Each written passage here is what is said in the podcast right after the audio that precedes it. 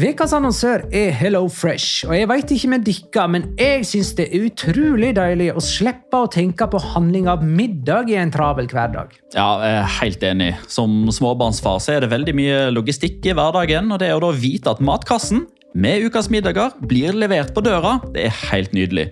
Da slipper du impulskjøp på butikken når blodsukkeret er lavt, og når du kommer hjem, kan du bare ta ut posen med dagens ingredienser fra kjøleskapet og sette i gang matlaginga. Ja, du kan velge mellom 25 ulike retter hver uke.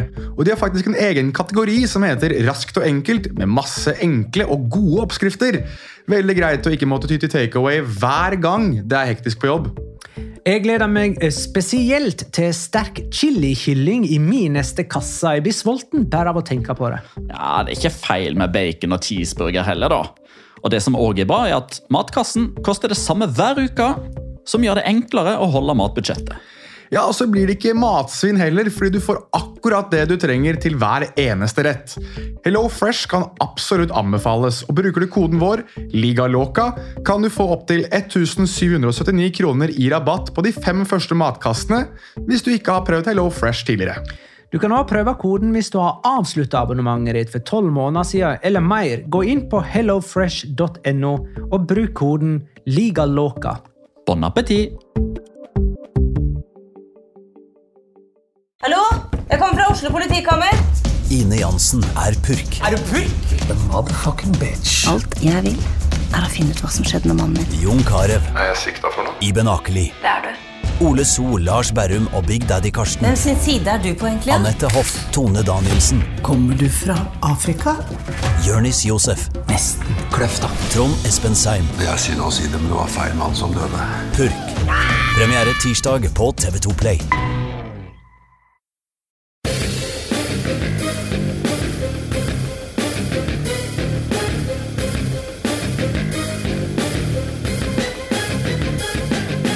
Har du sett? Atletico avga poeng igjen, og Barcelona og Real Madrid benytta seg av sjansen til å ta innpå enda litt til. La Liga var avgjort til jul og helt åpen igjen før påske. Nå må vi snart lære oss at jul faktisk varer helt til påske, selv om påsken sikkert blir avlyst i år igjen for oss på Østlandet, men det er definitivt en helt annen sak på en måte. La liga loca. En litt gærnere fotball. Ja, ja, ja. Dette er La Liga Loca, episode 156 av det ordinære slaget med Petter Veland i Spydeberg. Hei. Hallo! Eh, Jonas Giæver i Oslo sentrum. Hei. Shalom in the home! Og Magnar Kvalvik på Bjerke, det er òg i Oslo. Hei. Prosit. Nå er det et år siden vi var så å si i lockdown.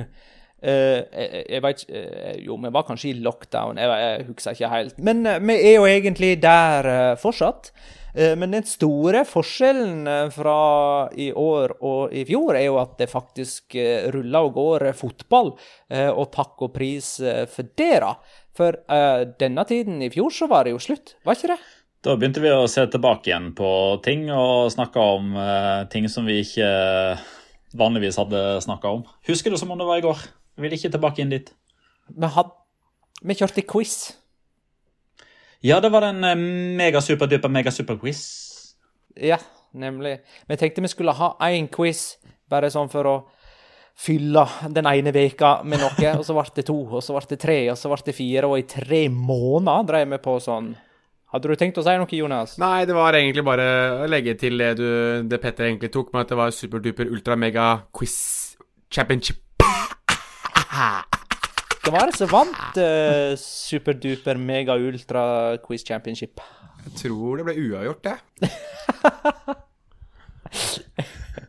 Ja, Det har vært sikkert uavgjort, Jonas. Vi sier det sånn. Ikke prøv deg nå, ikke prøv deg! Ja, det der, eh, det har jeg, jeg har faktisk glemt utfallet. Ja, det er jeg òg. Det er jeg òg, men jeg kan leve med en uavgjort. Eh, la oss eh, kose oss med fotballen helt eh, til den òg blir helt karva av fotballpamper som foreslår nye, rare turneringsformat som det ikke ser ut til å kunne eh, leves med. Eh, vi får eh, ta diskusjonen om eh, Agnelli sitt nye Champions League-formatskissering en annen gang. Og så må vi nesten ha i mente at til neste sesong allerede, så er jo Conference League et faktum. Og jeg tror Real Betis for øyeblikket ligger på Conference League-plass i La Liga. eh, Og det, har, eh, det gikk opp for meg nå i helga at jeg veit veldig lite om hva som egentlig skal skje Ja, men, der. ja, men det spør- spørs litt hvordan det går med liksom diverse cupfinaler og sånn. Det kan hende som vanlig da at det er syvendeplassen i La Liga som tar liksom den laveste rangerte europacupplassen. Vinneren av Copa del Rey skal det vedkommende inn i Europaligaen eller Conference League sånn egentlig? Europaliga. Europaliga, ja. Er det én klubb som går til Conference League, da? Det er to spanske i Europaliga, og så er det ett eh, spansk i Conference League. Sånn i utgangspunktet. Ja. Den er god. Da eh, går vi videre nå eh, og snakker om det der en annen gang. Runde 27, kamp for kamp. Levante Valencia 1-0. Eh, Levante er med andre ord best i byen. Dette var deres første seier over Valencia på fem år. Roger Marti ble matchvinner etter en feilpasning av Diakabi. Eh, Levante er på niende, og Valencia er på favorittposisjonen sin, tolvteplass. Og så spør eh, Theodor Goodwin hva er sannsynlig at skjer med eierskapet i Valencia. Har vi en oppdatering på det? Han derre kongen av Tjohei, har han en ny sånn uh, skisse av uh, struktur og oppkjøp, eller Jonas? Kongen av Tjohei, eller kronprinsen av Johor, han, eh, han har vel egentlig blitt litt stille. Uh, I hvert fall uh, i form av å ytre seg for mye til presse osv. Men eh, han er vel eh, Han er vel tilstedeværende og har vel sagt at det ikke kommer til å skje noen ting før i juni uansett. Men hvis han ser på det laget her og hvordan de presterer i den derre 3-4-3-3-5-2 Hva i helvete er det de driver med formasjonen som Valencia spiller om dagen? Så hadde ikke jeg akkurat vært noe frista til noe jævla oppkjøp, jeg heller, skal jeg være ærlig. Det Nei, det er eh, Christian Oliva spiller med nummer ti for Valencia. Det oppsummerer hvilket faenskap det er som pågår der akkurat nå. Petter? Superdeporte skriver at uh, man visstnok allerede har tatt avgjørelsen om at Javi Gracia ikke får fortsette kommende sesong. Uh, så da blir det sikkert uh, god stemning der de siste to månedene. Jeg ser uh, en av kommentatorene i Superdeporte som alltid skriver sine velartikulerte og godt begrunna meninger, og mener at uh, Javi Gracia allerede har begynt å vise tegn på at han er lut lei, bl.a. ved å kaste Mukhtar Diakabi under bussen. Og det er greit. Er man Valencia-supporter, kast han hvor du vil. Som trener så er det kanskje ikke så lurt. OK. Alaves Cádiz 1. En, to lag som vinner veldig sjelden, vant heller ikke her. Joselu satte inn 1-0 til Alaves på straffe. Alex Fernandes utligna til 1-1 på straffe. Dette var straffespark nummer 99 og 100 denne La Liga-sesongen. Eh, Alaves-veteran Manu Garcia lagde frispark og straffe i løpet av ett minutt og fikk gullkort for begge forseelser. Det er jo alltid litt eh, moro. Eh, av lag som har skifta trener, er Alaves det eneste som gjør det verre etter trenerbyttet. Um, Fins det for øvrig en kulere trener enn Alvaro Server- Servera i solbriller? Jeg eh, tviler på det. Eh, Jonas? Nei, egentlig så er mitt, eh, mitt spørsmål rettet til Petter. Uh, vil du jeg skal si noe her, Petter? Sånn for å prøve å bare forbanne Alaves enda mer nå, eller, eller er, nei, Nei, har jeg gjort, de, jeg gjort nytta de, mi? ligger, de, de ligger der de skal, de. Det sitter Ja. stille og rolig i båten. Ja, den er god. Nei, men Jeg ville bare vite om jeg skulle gjøre noe for å ødelegge eller hjelpe de noe mer nå. Men jeg, da skal jeg ikke si noen ting. Gå videre, du, Magnar. Real Madrid Elche 2-1. Dani Calvo sendte Elche i ledelsen, men Karim Benzema snudde kampen med to skåringer. Real Madrid to poeng nærmere Atletico, og de er nå seks poeng bak dem på tabellen. Og så, da. Osasona Valladolid 0-0. Getafe Atletico Madrid 0-0. Celta Viga Atletic Club 0-0. Granada Real Sociedad 1-0. Har du sett med hans skåring i La Liga? Herman Sanchez matchvinner for Granada tre dager etter at de slo Molde på Los Carmenes. Um, Real Sociedad hadde sju strake seriekamper uten tap før de møtte et skakkjørt Granada, som viste seg å være hakket bedre enn dem. Eh, når Granada møter Molde på torsdag, spiller de sin 45. kamp for sesongen. Da har de spilt like mange kamper denne sesongen som hele forrige sesong. Har jeg lyst til å si et ord eller to om Granada, Molde da, Petter? Ja, vi eh, kan jo det. Det var vel ikke sånn Sett under ett så var det vel ikke noe, noe, å si på at Granada vant, men at det ble med to, var vel kanskje litt overdrevet ut ifra hvordan kampen fortona seg. Eh, og dessverre de to eh, kjappe gule til Martin Ellingsen som, som ødela ganske mye. Jeg tror Molde hadde vært relativt fornøyd hvis jeg kunne reise til Budapest med 0-1 i sekken. 0-2 tror jeg blir litt i overkant, eh, dessverre. Kanskje spesielt med tanke på at eh, dersom eh, Granada da skårer ett mål i Ungarn, så teller jo det som to. Så jeg tror dessverre toget er mer eller mindre kjørt, altså. Ja, jeg er enig i det, men jeg syns det er Jeg vet ikke helt, jeg, men det er noe som gjør at jeg blir litt sånn syns det er litt greit òg, når det er liksom 38 år gamle Jorge Molina og 35 år gamle Roberto Soldado som skårer målene òg. Jeg vet ikke helt. Um, altså, Jeg syns det er litt trist at det er Sheriff Sinjan som uh, åpenbart gjør en feil på 1-0-skåringa, og Jorge Molina som for første gang i sitt liv noen gang skårer et rom, eller et, et mål der han går i, i bakrom. Men, men, det er liksom en del av meg som kjenner på at det er egentlig litt greit at det er de to. Altså, de gamle er eldst i La Liga, liksom, og det er um, det er godt at det, at det går ikke av moten det å være en gammel ringrev, uansett om du heter Molina eller Soldado til etternavn. Men det ryktes jo at uh, både Daniel Berg Hestad og Knut Anders Forstadvold er i ferd med å knytte på seg skoene igjen nå for å spille returoppgjøret. Stian Ord, han er tilbake. Eibar Villarreal 1-3. Villarreal avslutta si rekka på åtte seriekamper uten seier. Den verste rekka et Emeri-lag har hatt i La Liga noen gang. Eh, Eibar bomma på straffe igjen. Det er femte gang. Og det er andre runde på rad. Um, Like før vi satte på record her, så så jeg en tweet om at Mendelibar har styret sin uh, støtte ut sesongen. Betyr det at han sitter til påske? Vi, skal, uh, vi må ha i mente at uh, det er snart høy tid. Og det er høgsesong for sparking av eh, trenere. Eh, det er ganske ofte at du får en sånn herre eh, god jul eller godt nyttår eller god påske, ekstrener moa. Så hvor lenge sitter Mendelibar?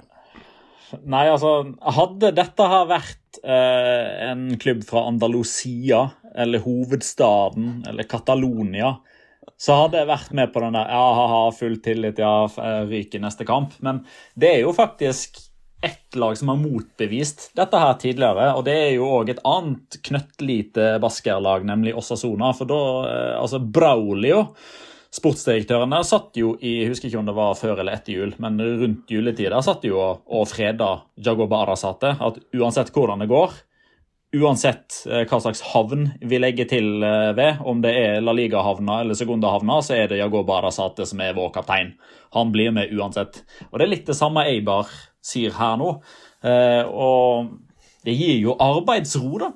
Men samtidig så er du jo inne på noe sentralt her, Magna, når du sier at Alaves er den eneste klubben som ikke har fått en positiv utvikling av å bytte trener. og det er jo det som ofte er liksom det eneste formålet med å bytte trener. Det er sjelden at det er pga. at det er en klinsj eller krangel. Det er jo egentlig bare Marcelino som gjør nærmest uansett hvor han er. Uh, resten må gå pga. at det er svake resultater. Jeg bare ser i, uh, i sidesynet her nå at det er Basca-derby mot Atletic på søndag, og så åpner de borte mot Real Madrid etter landskampoppholdet. Uh, så det spørs om det ikke blir både 10 og 11 kamper på rad uten tap, og da spørs det jo, eller uten seier. Eh, da spørs det vel om man har like mye tillit, Jonas. Ja, nei, du tok poenget mitt her nå. Jeg skulle inn på litt en taps- eh, eller ikke-seiersrekka, hvis vi kan kalle det, for, for Eibar. Den ser jo bare verre og verre ut. og når de i tillegg da er på nest sisteplass i La Liga, og det er da Wesca som vi vel utkvitterte, holdt jeg på å si, for uh, hvor mange måneder siden blir det? Uh, med tanke på at de var uh, brukte såpass lang tid på å registrere sin, sin første av totalt tre seire så langt denne sesongen. Så, så er det Det er, litt, altså, det er jo symptomatisk med Eibar med tanke på størrelsen deres, men, eh, men det er samtidig litt sånn vemodig å se at de gjør det så dårlig, for de har på en måte vært Asterix og Obelix mot, uh, mot Romerriket i så lang tid nå, og nå virker det som om det ikke lenger eksisterer noe, noe tønne eller noe styrkedrikk igjen på Ipporoa. Nå er det Nå virker det som det er, det er litt Ja, det er tomt. Det er litt game over. Uh, det er uh, Rebelatrix og resten av gutta. De må se for seg en, en framtid i Segunda slik det, det, ser ut akkurat nå. Og jeg har litt vanskeligheter med å se at um, at Mendilibar skal kunne klare å snu det. Litt fordi at han også blir bare surere og surere og surere for hver kamp som går. Og når de ikke klarer å score på noen straffespark heller, så blir det jo ekstremt vanskelig, da. Um, så det, og nå er det litt gøy. Nå har de, begynt, nå har de jo begynt på nytt igjen nå, i den der, jeg si, der straffemiksen sin. Nå er de tilbake på Burgos, liksom, og han bommer, han nå. Så nå kan det jo ikke være lenge før vi ser Marko Dimitrovic gå fram igjen for å prøve på ny. Men uh, det, jeg tenker vel ikke feil om Mendeli bare er den som har sittet lengst i en og samme klubb etter Diego Simione nå? Nei, det er riktig, det. det er riktig. Mm.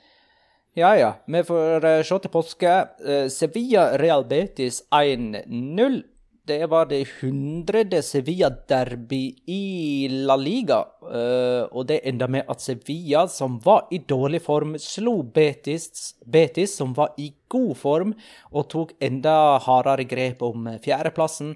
Det er seks poeng nå uh, ned til Real Sociedad på femte Enisiri ble matchvinner for Sevilla i et derby det ikke akkurat gnistra, spør du meg. Eh, er det noen som har ting å si om Sevilla-derby? Jeg kan vel egentlig bare kvittere ut den følelsen som jeg regner med at vi alle satt med. Gud a meg så vi savner fans. Ja, altså... Og i en kamp som dette her, så blir det jo mer tydelig enn ja, til og med i El Clásico, syns jeg. Ja, altså, jeg må, jeg må beklage at det, det, er nesten så jeg må avbryte deg midt i resonnementet ditt, Petter, for at det, det, er så blodfattig.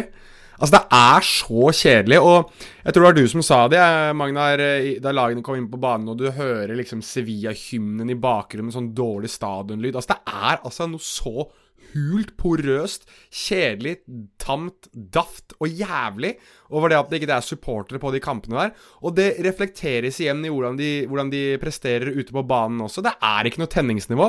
Det er ikke noe spent stemning. Det er ikke noe, noe Altså, det er ingenting, da. Det er ikke den aggresjon du, for, du forventer og forbinder med de kampene her. Altså, vi snakker om El Grand Derby som liksom det mest følelsesladde av derbyene. Ja, kanskje El Clásico er større, men det er mer følelser i det når, når, Sevilla og Betis møter. Men her er det jo Altså, det er jo så følelsesløst å skulle tro at det var 22 eh, skandinaver som var utpå der. Altså, det er jo ikke Det er jo ingenting å hente fram.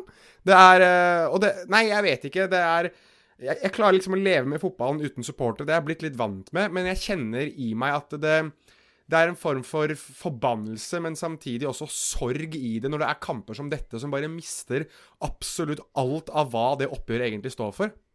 Du vet at du har muligheten til å kjøre sånn publikumslyd Nei, jeg skal ikke ja, gå ned den veien. Ikke prøv. Eh, Men eh, det som jo er interessant nå, er jo at eh, altså, i motsetning til i Norge, der smittetallene er på vei opp, eh, så er jo smittetallene på vei ned. Og vaksinasjonen er relativt godt i gang i Spania, som jo gjør at det nå faktisk er et reelt håp om at de siste tre-fire serierundene så kan man slippe inn folk. 30% maks av stadionkapasitet.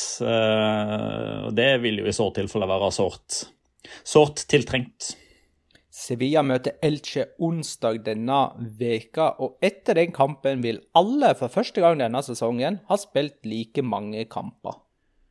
Og da får jeg endelig sove godt om natta igjen. Da blir det ikke lenger stjerner i disse, denne generelle stats-tabellen vår, Magnar. Nei, det hjelper, det. Eh, så i fravær av publikum så, så tar vi den trøsten vi får, da. ja.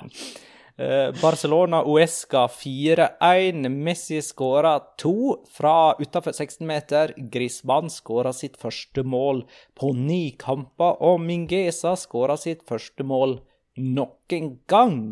Eh, og da kan vi jo begynne å prate litt om eh, toppkampen i La Liga. da. Vi gikk jo ganske fort forbi Atletico Madrid her, som spilte 0-0 mot uh, Getafe.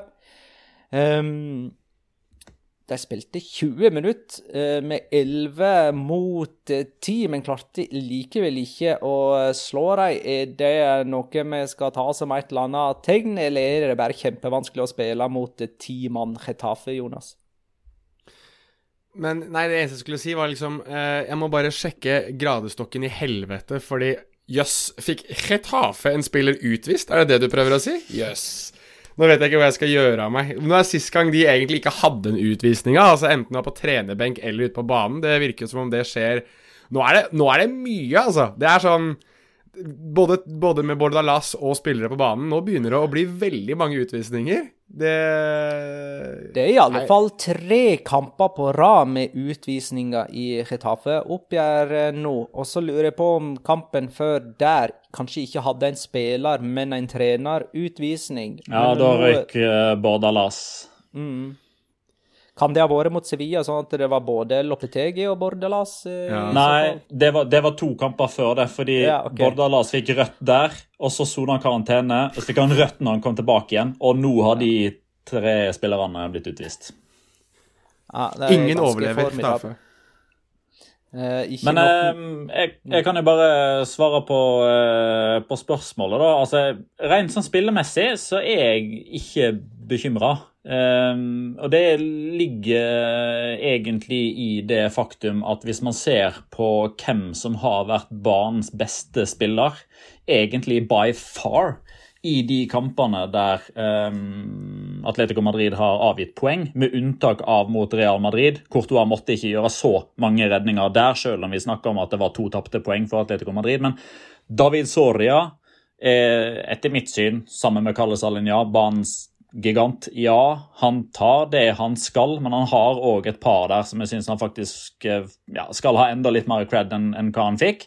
Eh, Levante, både hjemme og borte. Først Eito Fernandes, og så Dani Cardenas. Eh, soleklart banens beste. Sammen med Ruben Blanco når de avga poeng mot, eh, mot Celta Vigo. Jeg hadde vært mer bekymra for Atletico Madrid dersom de var litt sånn inne i det samme sporet som de som de hadde en tendens til å komme i utover i sesongen, der man verken skapte sjanser eller klarte å, eh, å, å skåre mål. Jeg tenker at dette, dette har de en mann på topp som kommer til å fikse, eh, tenker jeg. Og eh, snart kommer El Clásico.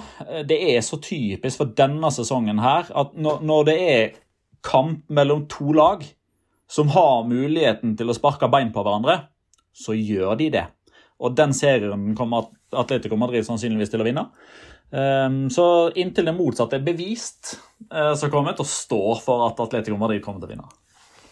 Da regner jeg med at uh, Jeg kan jo bare allerede uh, Spoiler alert for noen episoder i forkant. Da kan vi nesten si at El Classico kommer til å ende 0-0 garantert. Så vet dere det. På de siste åtte seriekampene så har Atletico avgitt poeng i flere enn de har vunnet. De har vunnet tre, spilt eh, fire uavgjort og tapt én. Uh, og så var vel Petter inne på det her med denne Chetaffe-kampen, at eh, Soria spilte bra, og at Atletico hadde en annullert skåring. De hadde stolpetreff av Luis Suárez. De hadde et par store ved Moussa Dembélé. Uh, så det gikk vel ikke helt eh, ja, det var vel ikke stang inn, da, men likevel. Eh, jeg står jo på mitt. For meg er Barcelona eh, favoritter til å vinne La Liga. Jonas? Ja. Jeg, jeg begynner å se litt hvorfor du mener det, Magnar. Jeg var jo veldig uenig med deg eh, sist episode, eller to episoder, eller hva det var for noe siden. Altså, jeg, og jeg står på mitt, men det begynner å skje litt for ofte for Atletico Madrid sin del. Selv om Petter har et poeng i det han sier, han òg, i det at eh, ja, nå kommer det Clásico, og da kan jo liksom Atletico Madrid bli den store vinneren den, den runden der, men nå begynner Messi å våkne, nå begynner Barcelona å se bedre ut, nå begynner Atletico Madrid å vakle litt i viktige oppgjør der de vanligvis vil kanskje ha vunnet 1-0, det begynner å ligge an, det begynner å skje. Altså, jeg sier ikke at det kommer til å skje, jeg sier ikke at det kommer til å skje, men jeg begynner å se konturene av et lag som sprekker litt, Petter. Ja, eh, jeg må, jeg må få lov til å korrigere det her. Eh, Her klarer jeg ikke å holde tunga rett i munnen, holdt jeg på å si. Lionel Messi begynner å våkne. Han har vært våken så lenge han at han har malt huset fire ganger. i løpet av den tiden ja, han har vært ok. våken. ja, ok. Han ble våken Han våknet den dagen da Bartomeo gikk ut døra. Hvis du ser, eh, hvis du ser eh, statistikken hans før og etter Bartomeo i La Liga spesielt, så er det ganske spinnvilt. Jeg tror han Ja. hadde Var det fire La Liga-skåringer han hadde eh, i 2020, altså år 2020? Eh, og da snakker vi selvfølgelig eh, denne sesongen her, altså Høstsesongen, da. 2020. Ja, riktig. Eh, nå så har han vel totalt skåret noe sånt som Hva er det for noe? Er det 17 eller noe sånt noe han har? Altså, det er Nei, jeg Lionel Messi er et, er et unikum, og det er, ikke noe, det er jo liksom ikke noen kioskvelter å melde det lenger. Men, men det er veldig sånn oppsiktsvekkende å se hvordan han har respondert på det at styret er borte. Det må jeg bare få sagt. Og det er noe som nesten er litt Jeg tror han har Jeg tror jeg regna på det, at han har på alle turneringer nå så har han 1,33 målpoeng per kamp. Altså, det er helt vanvittig, det han holder på med nå. Og det er eh, For de som trodde at Lionel Messi kanskje var litt på hell, sånn med tanke på den forrige sesongen osv. Ja, ja, det er liksom litt, litt, litt sånn uh, kongen er tilbake-situasjon nå, i hvert fall for 2021. Så jo, kan man jo begynne å spekulere i, vi som er glad i å gjøre det, spekulere om det betyr at Lionel Messi er klar for å bli værende i Barcelona, eller om dette her er nå skal dere se hva dere kommer til å gå glipp av den dagen jeg går ut døra. Eh, for det er litt eh, Jeg begynner å få litt den feelinga som Petter har vært inne på en del ganger nå, at Messi kanskje har lyst til å mm, bevise at hjertet hans tilhører fortsatt Catalonia. En ting som jeg bare legger merke til, da, sånn for å eh, jeg håper å si, Jeg ser jo her at Barcelona virkelig er i ferd med å finne konturene av et nytt sånn vinnerlag som, eh, som, der det flyter litt sånn. Definitivt. Jeg ser det, jeg òg. Jeg lever ikke i full fornektelse. Eh, Men de neste bortekampene kommer til å bli helt helt avgjørende. Eh, og Det er jo, er- det er jo primært borteformen til Barcelona som har vært helt outstanding i, eh, i 2021, i hvert fall resultatmessig. De har nå Real Sociedad til helga. Eh, Bortekampen etter det er El Clásico. Så skal de til Villarreal, og så har de Valencia på Mestalla. Greit, det er ikke fryktinngytende med Valencia, men vi ser hvordan Valencia hever seg i toppkamper. De har slått eh, med fire, nei, Real Madrid med 4-1 denne sesongen. Og så skal de til Ciutat Valencia, som har blitt en sånn der eh, moderne skrekkmotstander for eh, Barcelona. Der blir det sånn 5-4 eller 7-6 eller et eller annet sånt. Og um, Den rekka der er jeg spent på om de da klarer å opprettholde det poengsnittet, som jo egentlig må til. Jeg tror Atletico Madrid uh, kommer til å fortsette å avgi poeng. Jeg tror ikke de vinner samtlige 11 kamper. Men la oss si at uh, av de 33 poengene som Atletico Madrid kan ta, da, la oss si at de tar uh, 25 da, og ender på 88. Da må Barcelona ta minst 29, og da avhenger det litt av hvordan det går innbyrdes. Der Atletico Madrid jo har et overtak fordi de vant sin hjemmekamp. Så det er mm, Ja, det er fortsatt edge Atletico for meg, altså. Barcelona har 17 seriekamper på rad uten tap. Jeg tror det er bare tre uavgjort på dem, og resten eh, seire. Eh, og de er i samme form nå som Atletico var før nyttår, mens Atletico er i samme form nå som Barcelona var før nyttår. Eh, har Barcelona generelt begynt å skyte mer fra distanse enn det vi er vant med? Eh, mot Uesca så hadde de altså tre mål fra sånn cirka 20 meter. Jeg kan ikke huske å ha sett Barcelona skyte så hyppig fra så langt hold som det de har gjort nå i det siste. En flåste kommentar fra meg, for Petter kanskje har noe ordentlig statistikk. Det, det viser seg jo i den kampen her at det var nok lurere å skyte fra distanse enn å stå og prøve å skuldre ballen inn fra to meters hold. Hei, hei, Rafa Amir! Eh, nei, uh, jeg stiller uforberedt eh, i den diskusjonen her. Uh, Men, men, har du vel samme inntrykk? Jeg har et inntrykk av at de scorer oftere. eh, ikke nødvendigvis at de skyter oftere.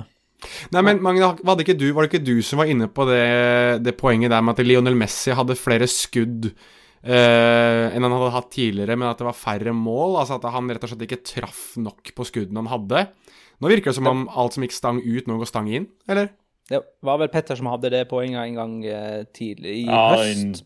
Oktober-november tror jeg det var at eh, antall avslutninger og antall målsjanser og expected goals og sånn var liksom ufattelig mye bedre enn hva Barcelona fikk igjen.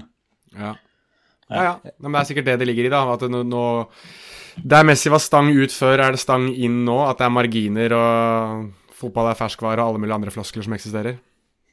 Uh, Jørgen Strand skriver at Barcelona nå har seks uh, spillere eller flere som er svært unge og lovende fra eget akademi, eller skråstrek da kjøpt for ganske lite penger.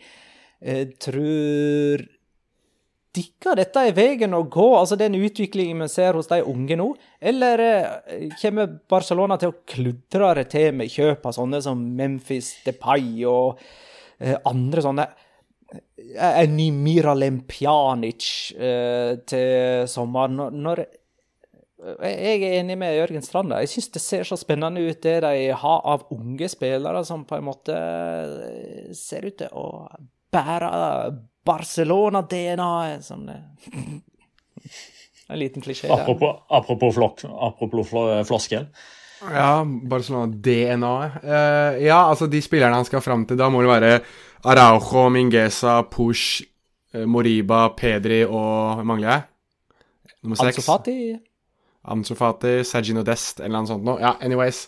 Um, ja, jeg er litt enig i det. Uh, samtidig så er det vel en fornyingsprosess som er ganske long overdue i Barcelona, og det er vel noe de ser på til sommeren. Og så er jo spørsmålet om de skal fornye seg internt eller gå ut og hente spillere. Altså, man ser jo de mekanismene som pågår i, i spansk presse nå, der de allerede har begynt å, å, rampe opp hvilke spillere de har lyst til å signere, og hvem som skal være på en måte nestkommanderende i dette her Messi-skipet som skal da ut eh, og hente hjem gull og grønne skoger til John Laporta, som for øvrig vel egentlig er litt i problemet selv, for det er vel rapporteres vel nå i spansk presse at han har et, eh, fin, altså et finansproblem, da, eller et økonomisk problem i det at han faktisk må ha vise til eh, er det 15% At han kan få 15% av eh, Hva er det for noe? Er det um, å, oh, hjelp meg. Uh, klubbdrift eller noe sånt. Altså, han, må ha, han må ha en viss mengde penger å vise til da,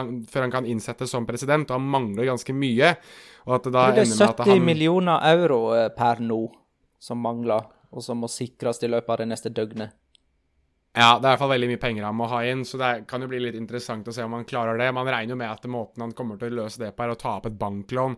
Og det er jo akkurat det Barcelona trenger nå, enda mer gjeld. Men uansett, um, that's besides the point. Det, jeg er litt enig i det, men samtidig, samtidig, føler jeg at Barcelona trenger Um, en form for statement, da, hvis hun kaller det. Og, det. og det statementet kan fort være å signere Lionel Messi på en ny avtale, og så ha en del av de unge spillerne rundt ham. At de på en måte viser sin styrke på den måten. At de er, um, at de er tydelige på, på, det at de ikke kommer til å la Messi, Messi gå sin vei. Men jeg syns, jeg syns det begynner å se ganske spennende ut, jeg i Barcelona. Og da, som sagt, nå har liksom Ansu Fati vært ute så lenge som han har vært, han også. At man mangler jo man mangler jo han for å trekke opp siste floskel nå, så hadde jo han vært som en brand new signing for Barcelona til neste sesong nesten uansett. Så Um, nei, jeg er litt enig i det, men samtidig så kjenner jeg jo kjenner jeg jo på meg selv at det hadde vært uh, hadde smakt ganske godt hvis uh, For Barcelona sin del, selvfølgelig, hvis Erling Braut Haaland plutselig hadde, skulle spille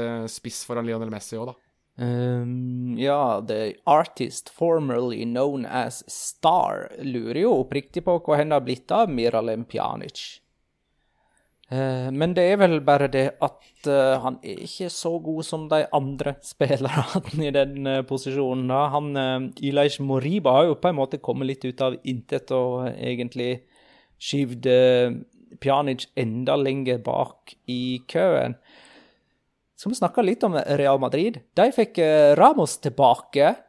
Eh, stor betydning det for Atalanta-kampen, som jo blir spilt om noen timer. Her vi sitter en tirsdag ettermiddag og spiller inn denne podkasten. Vi får jo ikke sagt så mye om Atalanta-kampen. Det jeg har skrevet i eh, kjøreplanen vår, er jo at Eden Hazard òg er tilbake. Og det kan jo faktisk ha ganske stor betydning, ettersom spillerne på hver side av Benzema bare er så der for tiden. Men så, hei, eh, hva skjedde? der, liksom. Nils Henrik spør er Asaad ferdig som både fotballspiller for Real Madrid og som toppspiller. Og dette da i lys av at Asaad igjen er skada. Eh, før han var tilbake fra skade, så var han ute igjen med skade. Og nå går det vel mot operasjon, så han er vel ute resten av sesongen nå? Ja, eh, og jeg lurer på om kan det ha vært Bendik Eftang som skrev på Twitter. Enten han eller han som kaller seg for Goti Supermann. Eh, de har litt samme profilbilder, liksom, hvis jeg ikke husker helt feil. Kom jo med liksom følgende spådom om at Azad går ned kniven. Kommer seg tilbake igjen til EM. Kjempegod i fire til seks kamper. Drar på ferie, kommer tilbake igjen, blir skada igjen. Har du hørt det, Det er jo det som kommer til å skje. Har Det er det som kommer til å skje. Ja, ja, ja. Jeg er ikke uenig.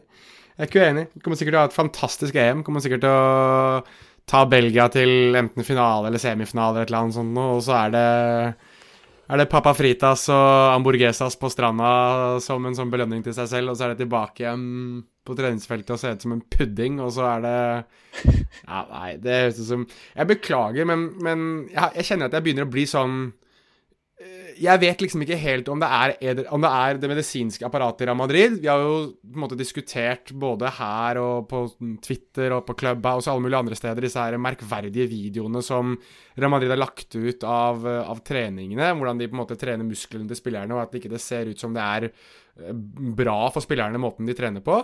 Men, men i Eder Hazards tilfelle så er jeg, er jeg litt sånn Altså hva, det, må, det, må, være Til syvende og sist så må det være noe på spilleren der òg. Litt sånn som med Gareth Bale. Det må være et eller annet på den spilleren etter hvert. Og I Gareth Bales tilfelle så ble det jo ganske åpenbart at det, kanskje fotball, spesielt Real Madrid, ikke var førsteprioritet.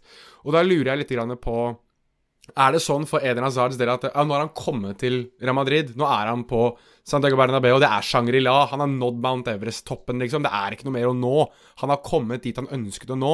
Og derfor så har han på en måte latt seg selv gå litt, eller altså drite litt i det å holde seg skadefri osv. Jeg vet ikke, men jeg syns det er merkverdig at en fotballspiller av hans kaliber gang etter gang etter gang etter gang klarer å skade seg. For jeg tror ikke det bare er Real Madrid som skader han. Jeg tror han skader seg òg. Ja, altså, jeg syns det begynner å ligne på ei sånn mental sperre der òg, Ja, som man ja. veldig ofte har hørt spillere snakke om i, i bakkant av karrierer. Eh, jeg mener å ha hørt både Michael Owen og Owen Hargreaves snakke om det, at det er så mye du sliter med så mange tanker, du begynner å tenke konsekvenser, du trekker deg i dueller, du tør ikke dra på i frykt for å skade deg. Og når du hele tida minner deg sjøl på om at du er skada, du kan bli skada, du har blitt skada i sånne tilfeller før, så blir du skada igjen. Ja. Og um, jeg husker jeg beit meg merke i det for et tre år siden, eller noe sånt, så hadde El Partidazo, som er det mest populære nattlige radioprogrammet i Spania, hadde en idrettspsykolog som gjest, som snakka om dette her, om at han var helt overbevist om at 90% av problemet for Gareth Bales eh, sitt tilfelle lå mentalt. Og jeg begynner å helle i den retninga at det er mentalt for Eden Hazard òg. Eh, hva syns dere om Real Madrid i 3-5-2 versus Real Madrid i 4-3-3? De har ikke så veldig lyst til å Um, Ja, ja. Vær så god, Jonas.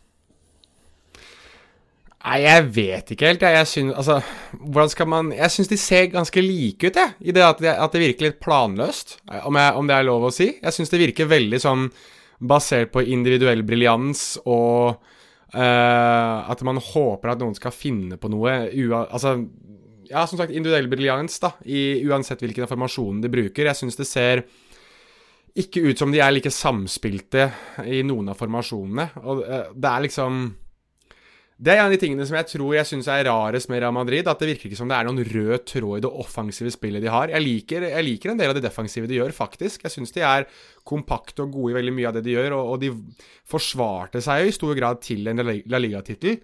Um, men offensivt så syns jeg det kludrer veldig. Og, og jeg klarer liksom ikke jeg klarer ikke lenger å helt sette fingeren på hvor det virkelig skorter, da. Og, og, jeg tror, ironisk nok, at uh, Gareth Bale og Eden Hazard skulle ha vært løsningene på de problemene de hadde. Altså, jeg tror det har vært tanken, at de skulle fungere, men, uh, men altså, der har det vært Murphys law så ettertrykkelig, da.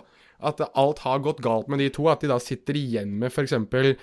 Ja, Isco som man nesten har forstått at ikke ønsker å være der lenger, og som ikke kommer til å bli den derre magikeren som Altså, han er jo Guti 2.0 i det at eh, det bare ikke kommer til å gå. Altså, han er ikke god nok. Altså, han er god, men ikke god nok for Real Madrid.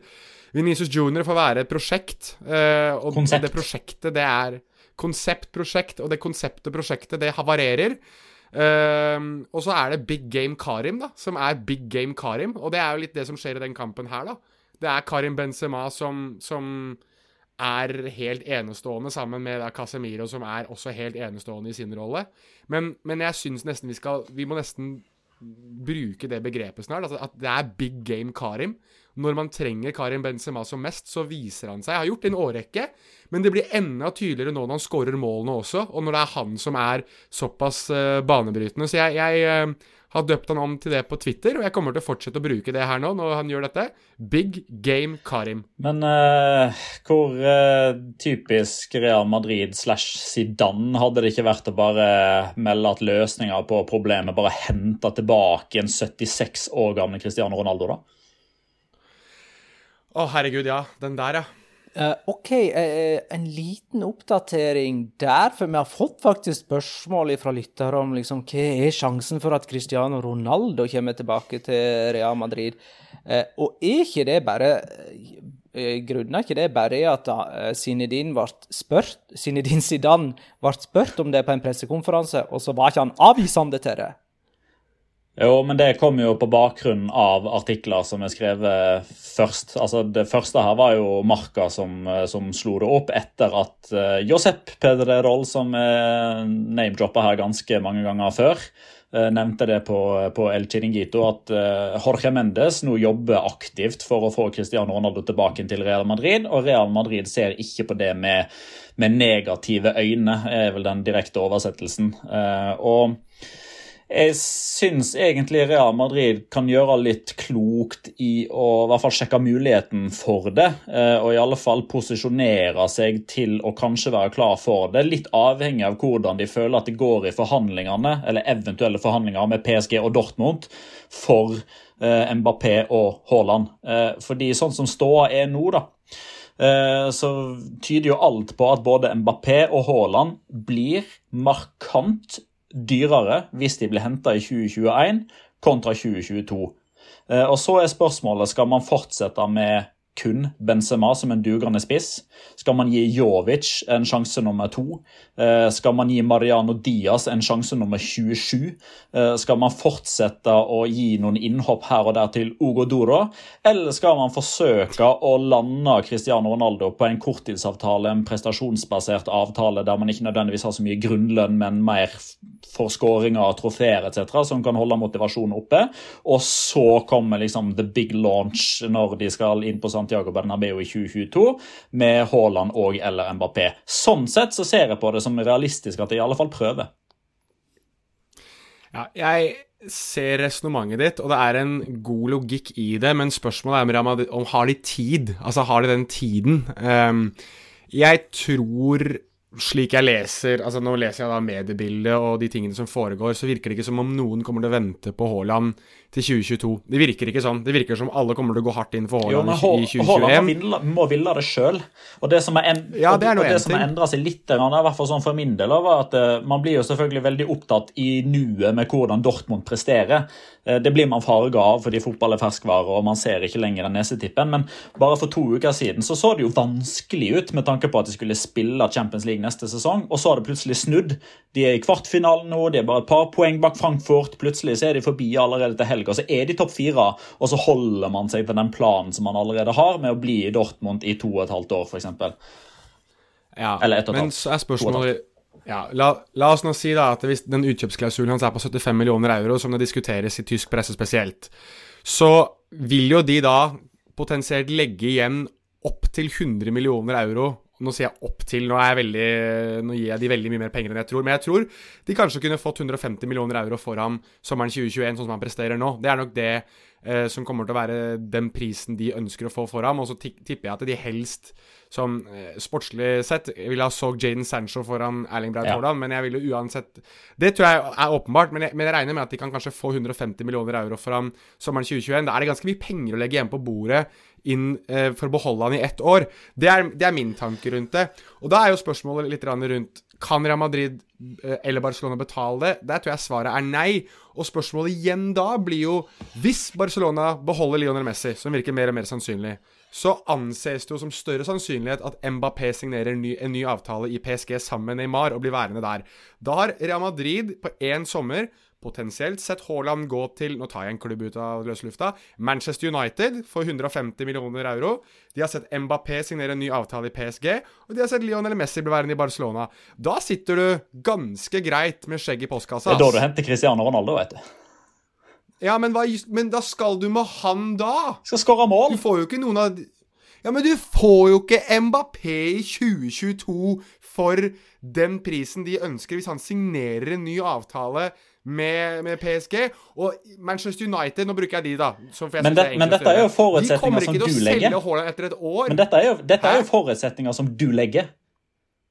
Selvfølgelig legger jeg jo de forutsetningene, for det må jo være worst case scenario vi tenker her for Madrids del når de henter Cristiano Ronaldo. Ja, jeg syns det høres ganske OK scenario ut, jeg. Ja, ja hvis, hvis, de kunne jeg tipper, hvis de kunne fått Haaland Hvis de kunne fått Haaland eller, eller Mbappé 2022 ja. Jeg skal bare avslutte, Magnar, skal du få lov til å si det du vil. Da er jeg enig med deg.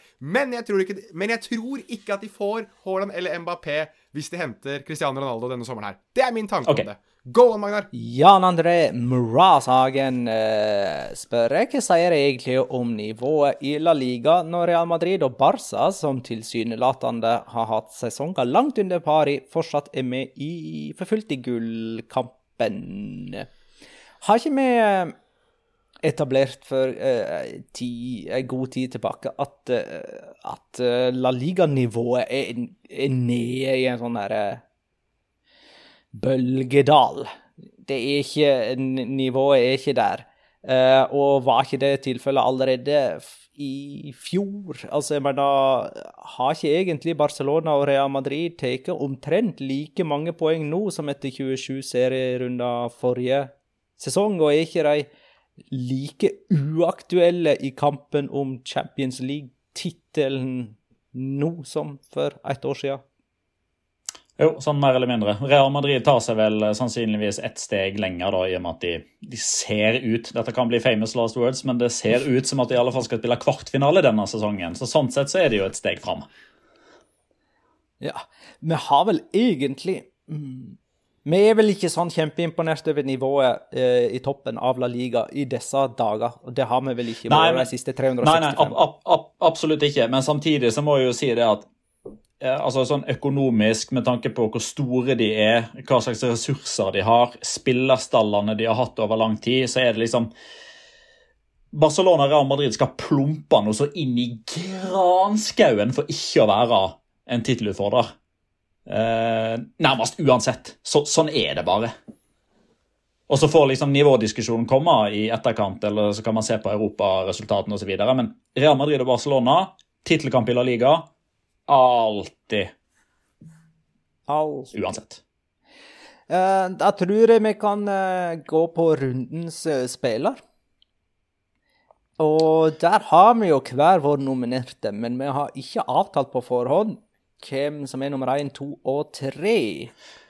Nei, men jeg, jeg, kan ta min første, for det var egentlig bare et valg som jeg tok for å uh, passe på at jeg fikk si det som jeg egentlig sa i stad, med at uh, veldig mange keepere har vært banens beste mot Atletico Madrid, men det falt seg naturlig å si det på et tidligere tidspunkt. Uh, og David Soria var jo den keeperen som hadde flest redninger i La Liga denne sesongen. Og enda helt ja, åpenbar avgjørende faktor for at Retafe tok poeng mot Atletico Madrid. Det har de jo ikke for vane å gjøre. og så ja, det, det, blir 99% skitprat om Retafe, så dette er den ene prosenten de får som er positiv.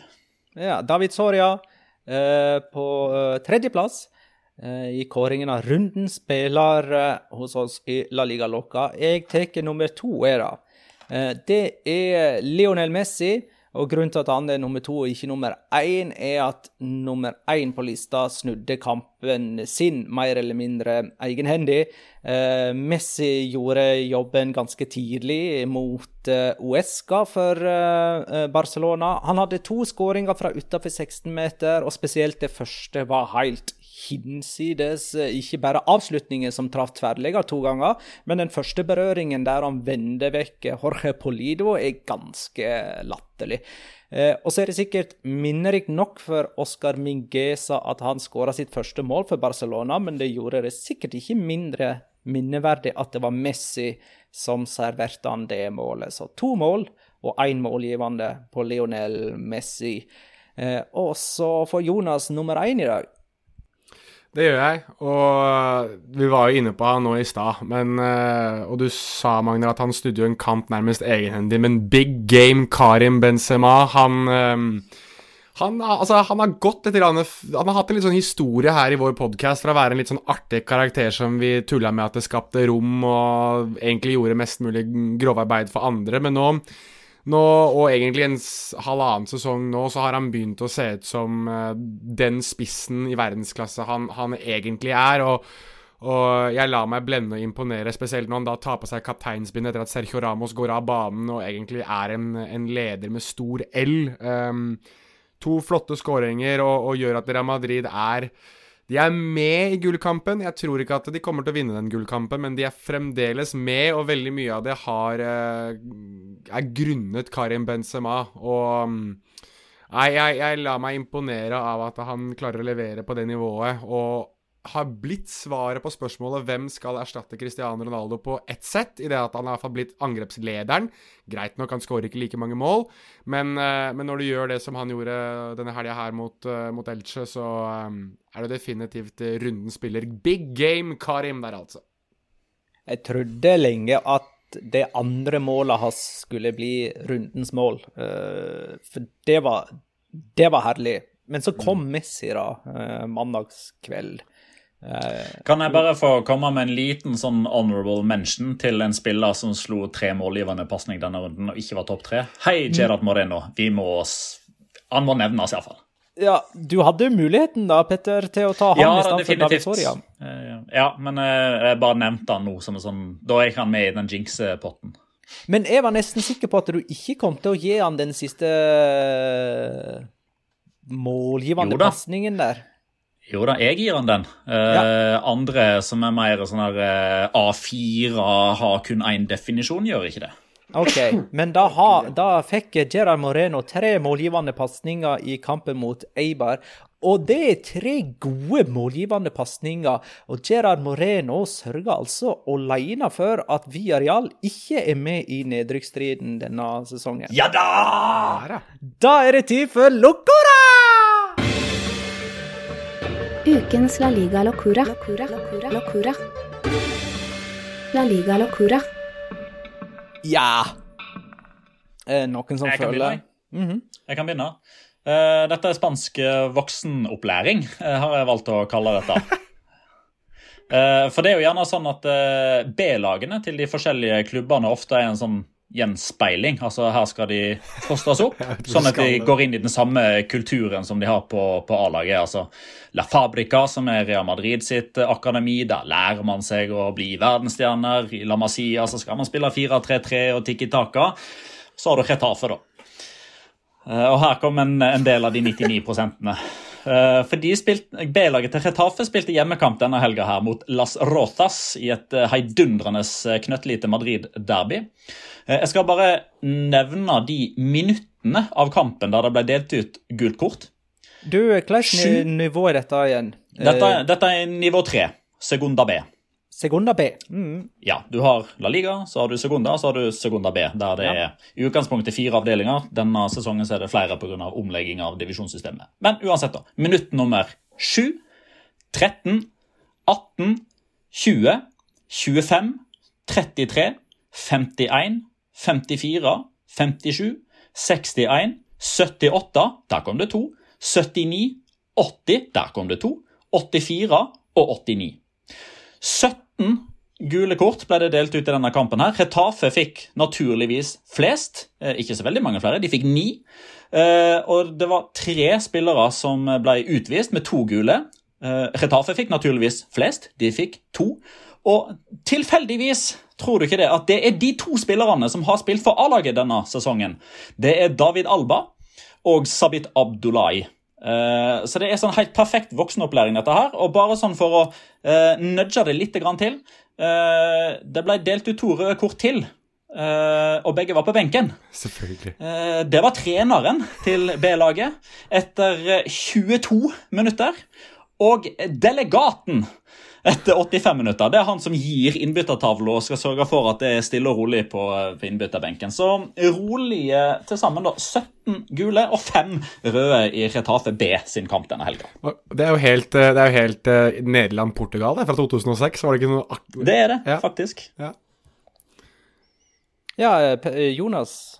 Ja, jeg kan ta min. Eh, min kom jo i kampen mellom eh, Real Madrid og, og Elche, for der er det jo en situasjon som noen kanskje dro kjensel på. For der var det jo en, en herremann ved navn Ivan Marcone som eh, tok ordentlig tak rundt eh, armen til en herremann ved navn Sergio Ramos og slengte han i bakken inne i eh, Elche-boksen. Og den observante seer la jo merke til at det kanskje ligner litt grann på det Sergio Ramos gjorde mot Mohammed Salah i Champions League-finalen i Var det 2018, da? Uh, I Kiev. Der måtte jo Salah av banen, og Sergio Ramos ble anklaget for å bedrive ulovlig judogrep mot uh, egypteren. Eh, det har jo også vært et lydklipp der som har gått sin seiersgang i spansk presse, der Sergio Ramos sier at det, det at han ikke har brukket armen min, er et mirakel. Vær så snill, se på det en gang til. Dette her er fjellstø straffespark. Ehm, så eh, Sergio Ramos, som i sin tid mente at han ikke hadde gjort noe feil mot Mohammed Salah, mente da at dette her var både et mirakel at han ikke brakk armen, og selvfølgelig et klart straffespark. Et eller annet sted så sitter eh, en gjeng med egyptere og humrer godt over at Ramos ikke fikk noen ting, og samtidig kommer de på at eh, det tok et år, og så hadde Salah også vunnet Champions League. Ehm, ja, disse her eh, Locora og Runden spillerspalten er jo uh, nyttige for sånn i ny og ne, med jevne mellomrom. Uh, minner på hva Messi faktisk driver med. Nå har jeg nominert han til Runden spiller, og jeg tar uh, noen Messi stats som Locora i samme slengen. Han spilte sin Barcelona-kamp nummer 767 og tangerte dermed Xavi i, antall kamper for Barcelona. Så når eh, søndagen nå kommer denne veka og Barcelona møter Real Sociedad, så er han toppene eh, den adelskalenderen der alene. På sine 767 kamper har han skåra 661 mål, og han hadde sin målgivende nummer 263 nå mot Uesca. Han skåra òg sitt ligamål nummer 20 og 21 for sesongen, og har dermed skåra over 20 mål i La Liga 13 sesonger på rad. Kunstpause, Ja, og så kan vi tippe. Det er jo kunstpause til en kunstner, det kan vi jo kunne si. Ja. Mm. Og så kan vi tippe. Forrige kamp var Sevilla Real Betis eh, 1-0. Eh, Enesiri, eh, kampens eneste målskårer. Jeg hadde 2-1 med Canales som første målskårer, så jeg fikk ett poeng og har 24. Petter hadde 0-0 og Borja Iglesias som første målskårer. Det gir 0 poeng, du har 20. Jonas hadde 0-0 og ingen målskårer. Det gir 0 poeng, og du har 10. Så har jeg bestemt at Real Sociedad Barcelona søndag klokka 21 er neste kamp. Og jeg sier 1-2 Messi. Petter. Eh, da sier jeg 2-2. Eh, Isak. Isak som får eh, konkurranse om spissplassen på det svenske landslaget framover òg. Zlatan Ibrahimovic er tilbake. Mm. Det er vel Gud er tilbake igjen for Sverige, var det ikke det de sa? Ja.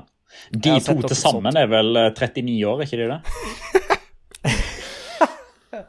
Den var morsom, Petter. Morsom. Eh, Jonas.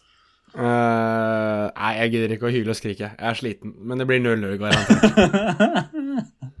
0-0 er garantert. Ingen målskårer. Er det et siste ord som skal sies? Um, Nei. Det er greit. Nei. Da runder vi av. jeg, jeg, Jeg vurderte å spørre om du kommer på Clubhouse snart, Magna, men jeg skal la det være. Ja. Da ble ikke det noe av. Eh, og så takker vi alle lyttere for spørsmål og innspill til denne episoden. Tusen takk for at dere lytta, kjære lytter. Ha det, da.